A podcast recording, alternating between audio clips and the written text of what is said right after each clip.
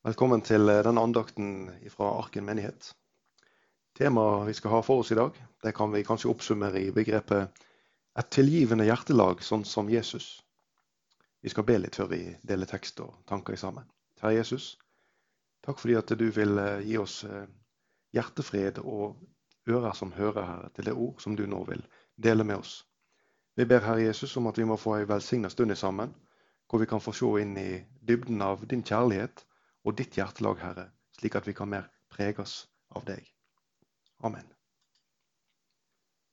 I ung alder så fikk uh, våre døtre kaniner. Det var i starten veldig gøy, og de hadde mye tid til kjeling og kos med disse dyrene. De hadde ønska seg eh, kaniner lenge, og til slutt så ga vi foreldre etter. og Kaninene ble anskaffa, og det ble bygga en behørig eh, innhegning som de kunne være i. Men etter hvert så ble dette kaninholdet det ble mer sånn pliktbetont for disse jentene. Og vi foreldre vi eh, fant oss ved å, å, gi uttrykk for at det er deres kaniner. Og vi prøvde å minne dem om det. Ikke sånn at det, det er deres kaniner når dere vil kose med dem, men på alle dager. I all slags vær.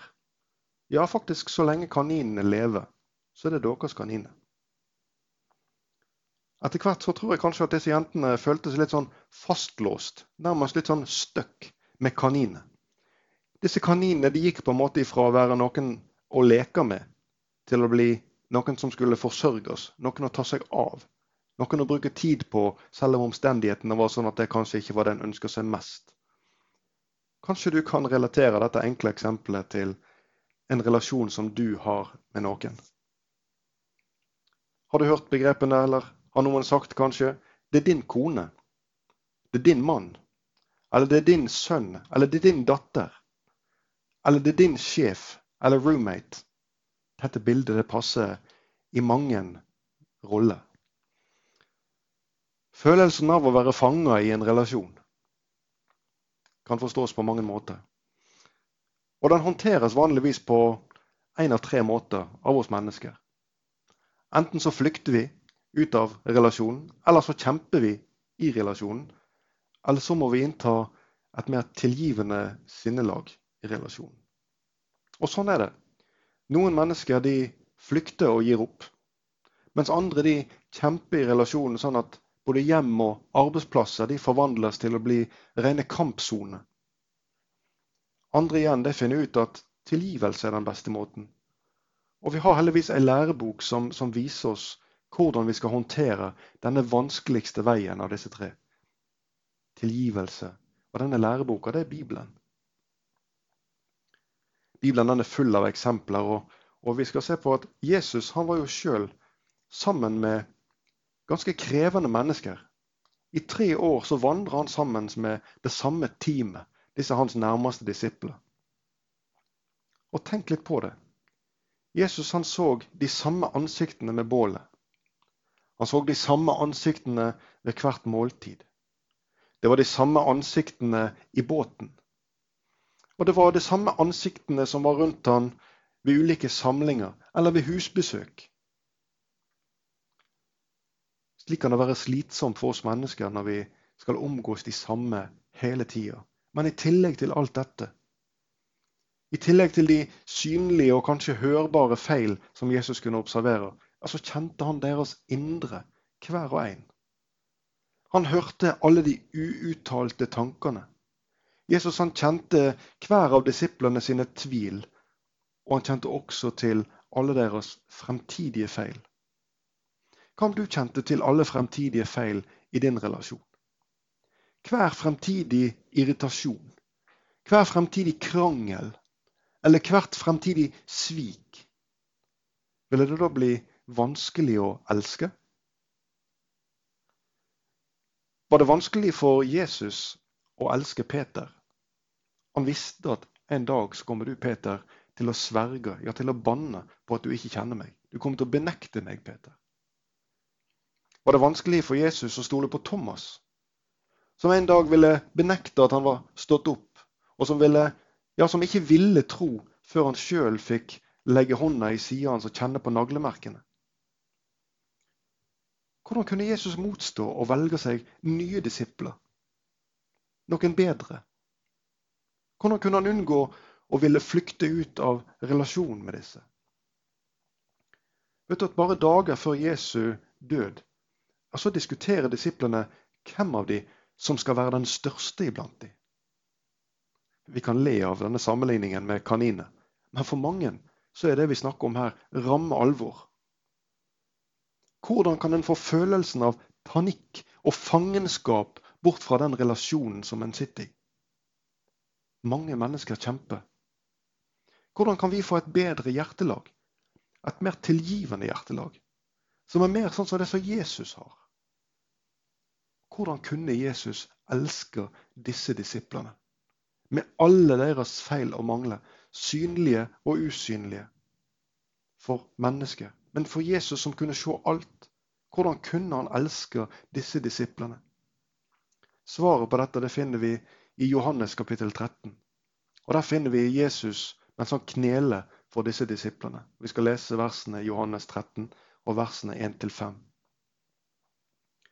Det var før påskehøytiden, og Jesus visste at hans time var kommet, da han skulle gå bort fra denne verden til Faderen. Og som han hadde elska sine egne som var i verden, ja, sånn elsker han de til det siste. De holdt da måltid. Djevelen hadde allerede inngitt i hjertet til Judas, sønn av Simon Iskariot, at han skulle forråde ham. Jesus visste at Faderen hadde gitt alt i hans hender, at han var utgått fra Gud og gikk til Gud. Da reiser han seg fra måltidet, legger av seg klærne og tar et linklede og binder det om seg. Deretter slår han vann i et fat og begynner å vaske disiplenes føtter og tørke dem med linkledet som han hadde bundet om seg. Du I foranledningen til dette måltidet, denne hendelsen som vi leste nå, så vil jeg ta deg med inn for at du skal få et godt bilde av situasjonen her. Vi er i Jerusalem, og det er en veldig stor folkemengde som finnes i Jerusalem i disse dager, som er samla til påskefeiring. Og der er også Jesus og hans disipler. Du husker kanskje fortellingen om det som hendte på palmesøndag, under innmarsjen til Jerusalem. Denne dagen så finner vi Jesus på ryggen av en eselfole. Og folket de hyller han, ja, de legger palmegrener foran han og roper 'Hosianna, du Davids sønn'. Og dette det gjorde de pga. de tegn som Jesus gjorde. Dette folket det hadde en, et ønske om en mektig leder. Vi skal ikke glemme sammenhengen, konteksten her, hvor jødene var undergitt romersk herredømme. De ønska seg en leder, en som kunne føre dem fram, en som kunne være konge for dem, en som kunne fri dem fra denne ytre makt. Vi leser om at det var pga. tegnene Jesus gjorde, at de ville ha han som konge. Folkeskaren som hadde vært med han når han kalte Lasarus ut av grava og reiste han opp fra de døde, de vitna om det, står det skrevet. Og Det står også skrevet at dette var også grunnen til at folket gikk han i møte, fordi de hadde hørt at Jesus hadde gjort dette tegnet. Men når Jesus kommer ridende inn i Jerusalem på denne dagen, til denne påskehøytiden, så er det ingen skriftlærd som ser profetordet som egentlig blir oppfylt for deres øyne denne dagen. Profeten Zakaria han lot det skrive, og vi leser i Zakaria kapittel 9 og vers 9. Rop med fryd, Sions datter. Rop høyt, Jerusalems datter. Se din konge kommer til deg. Rettferdig er han og full av frelse. Ydmyk er han og rir på et esel, på den unge eselfolen. Denne eselfolen den var hentet til Jesus av disiplene hans. Dette kan du lese om i Markus evangelium kapittel 11 og vers 1-7. Hvordan Jesus sender disiplene ut og forteller dem at det står en eselfole som er bundet til et tre, og at de skal løse han og ta han med seg til Jesus, så han kan få ri på denne. Hele denne hendelsen om denne eselfolen som står bundet til dette treet, ja, også dette var forutsagt i første Mosebok 49 og vers 11. Så leser vi han binder til vintreet sitt unge esel, til den edle ranken sin eselhoppes fole. Dette er denne folen som Jesus skal ri på denne dagen. Du, Skriftene, Toraen, de fem Mosebøkene og videre også profetene, ja, de talte om Jesus som Messias. Jesus han ble født inn i Judas stamme. Dette kan du lese om det var profetert i første Mosebok kapittel 49 og vers 10.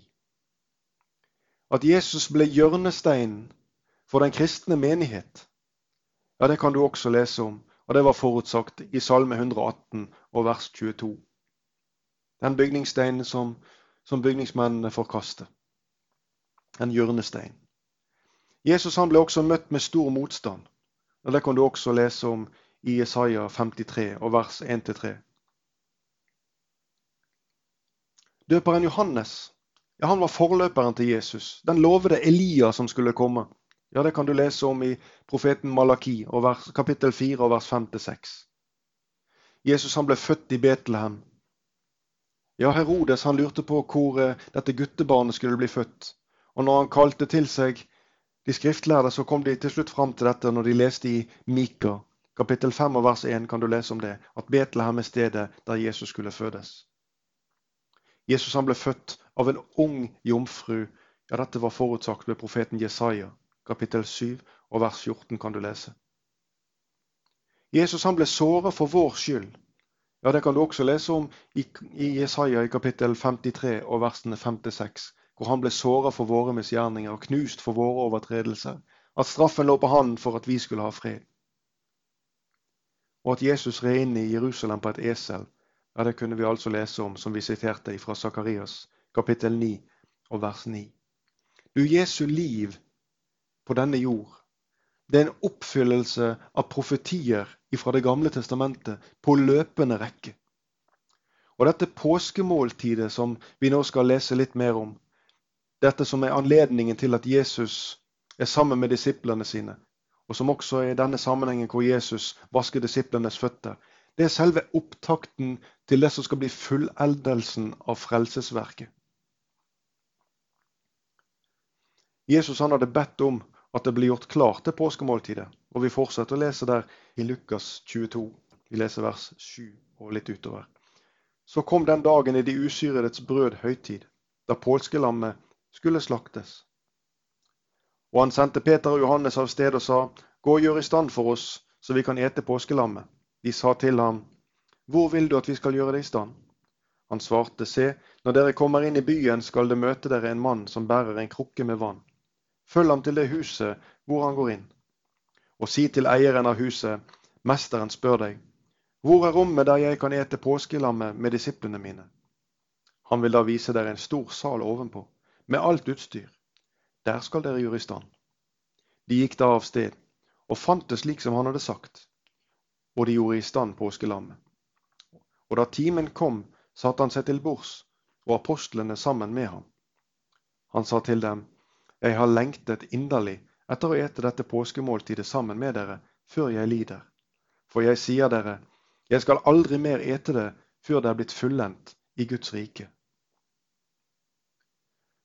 Du, etter denne lange dagen, etter å ha vært ferda i trengsel, i folkemengde og varme Kanskje disiplene også var oppspilte over den mottakelsen de hadde fått, hvor deres herre og mester ble hyllet som konge på vei inn til Jerusalem. Etter alt dette så samles disiplene her til måltid. Og hver og en av dem kommer inn i dette rommet og tar plass ved bordet. Og vi ser det for oss. På veggen så henger det et håndkle. Og på gulvet så står det et kar med vann. Men det er ingen som melder seg til jobben.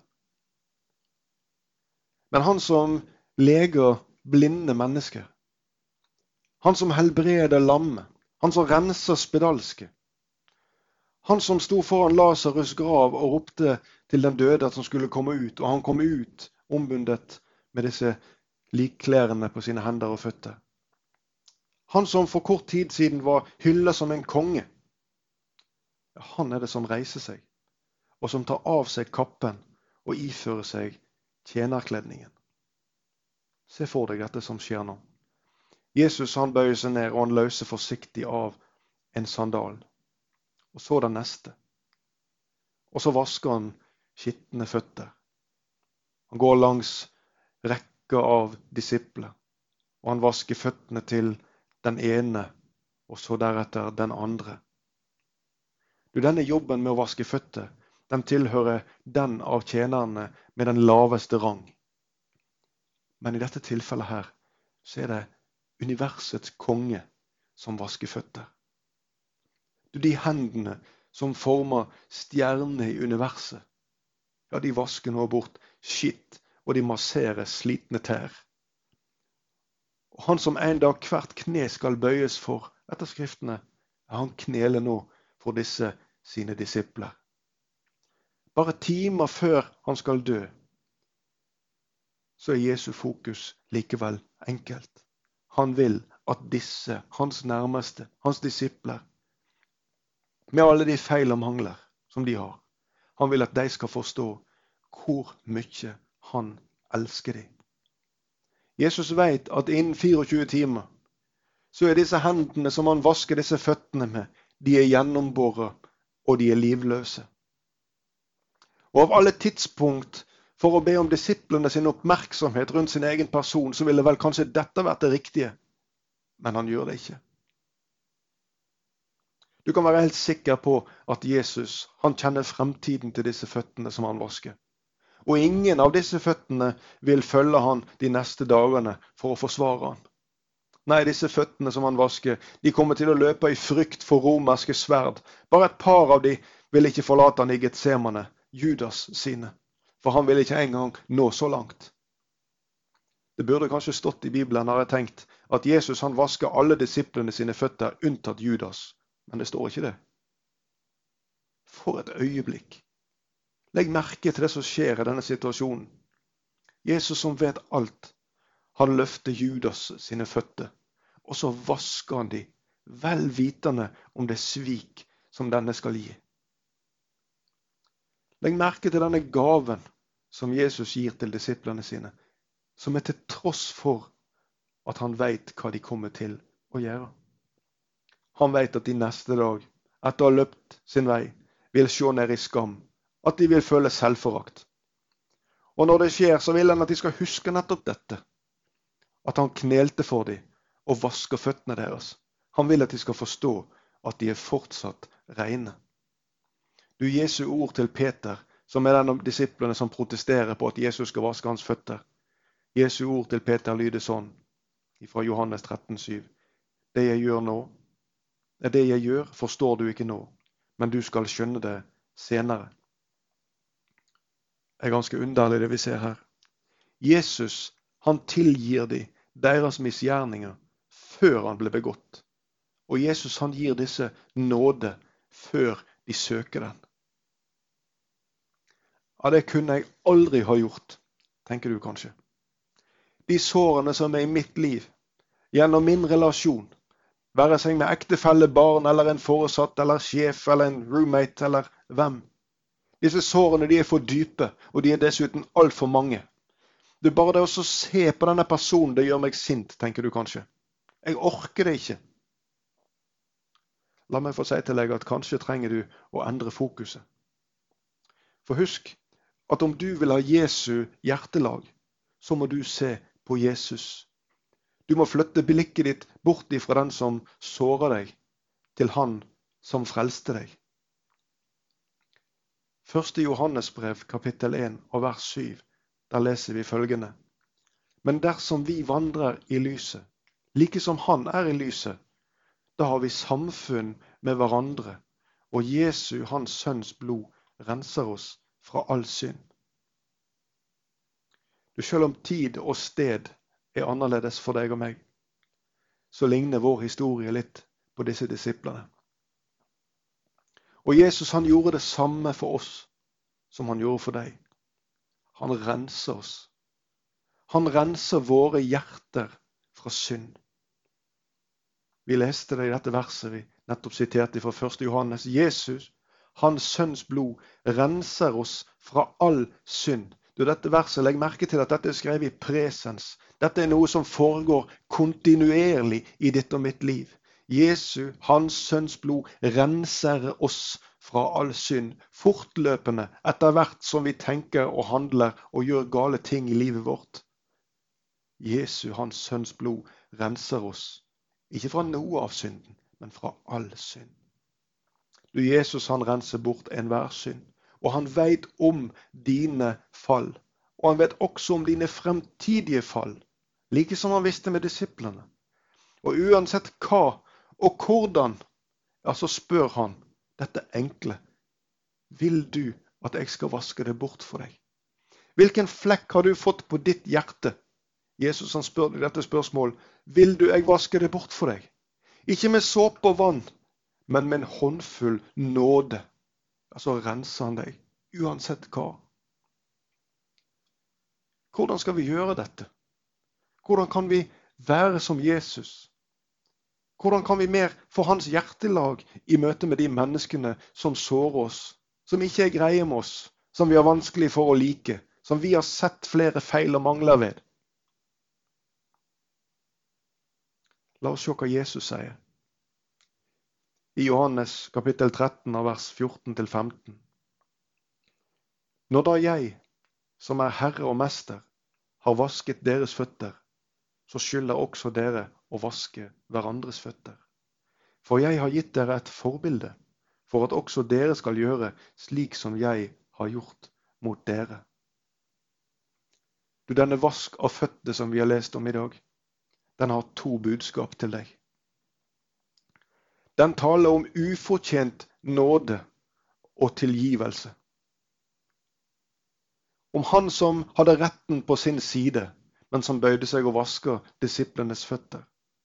Og for det andre, den er til et eksempel som er til etterfølgelse. Og hvordan kan vi følge dette Jesu eksempel? Jo, det innebærer å knele sånn som Jesus gjorde. Det innebærer å røre ved de skitne delene, de som vi ikke liker. Det, det innebærer å, å, gå i nærkontakt med de delene av personligheten av de som vi er fanga med i relasjonen, og vaske bort den skitten med vennlighet. Paulus han sier det som på denne måten i Efeserbrevet kapittel 4 og vers 32. Vær gode mot hverandre. Vis barmhjertighet, så dere tilgir hverandre, like som Gud har tilgitt dere i Kristus. Amen. Du protesterer kanskje. Jeg er den uskyldige part, tenker du kanskje. Jeg har ikke gjort noe galt. Jeg har ikke gjort noe feil. Og du har kanskje helt rett i det. Men la meg få si til deg at det hadde heller ikke Jesus. Av alle de føttene som fantes i dette rommet, som Jesus var sammen med sine disipler, altså var det kun Jesu føtter som fortjente å bli vasket. Og det var han som bøyde seg for å vaske de andres føtter. Du, Jesu eksempel det viser at byrden ved å bygge bro i en vanskelig relasjon, det faller på den sterke, ikke på den svake. I dette tilfellet vi har lest her i dag, og i dette eksempel, så er det den uskyldige som utfører handlingen, som tar bort det skitne. Ofte blir det forsoning med nettopp denne løsningen ved det eksempelet som Jesus sjøl viste oss. Kanskje trenger vi noen ganger et nytt møte med denne læreboka, med Bibelen, som har disse eksemplene skrevet for oss, så vi bedre kan vite hvordan vi skal agere i de ulike situasjoner som møter oss i livet. Jeg har lyst til å be litt til slutt sammen med deg. Kjære Jesus, du som bøyde deg, Herre. Du som tok på deg det som ingen andre ville gjøre. Herre, så renser du disiplene, Herre. Så viste du en slik kjærlighetshandling til tross for alle ting, Herre. Jeg ber Herre om at du må hjelpe oss hver og en til å ha et hjertelag som er mer sånn som ditt. Jeg ber Herre om at du må hjelpe oss til å se mennesker med dine øyne, Herre. Med kjærlighet, Herre, og se forbi feil og mangler, Herre.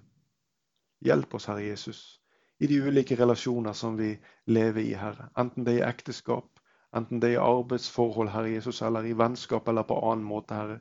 Hjelp oss å se hverandre med dine øyne, og hjelp oss å følge ditt eksempel. Amen.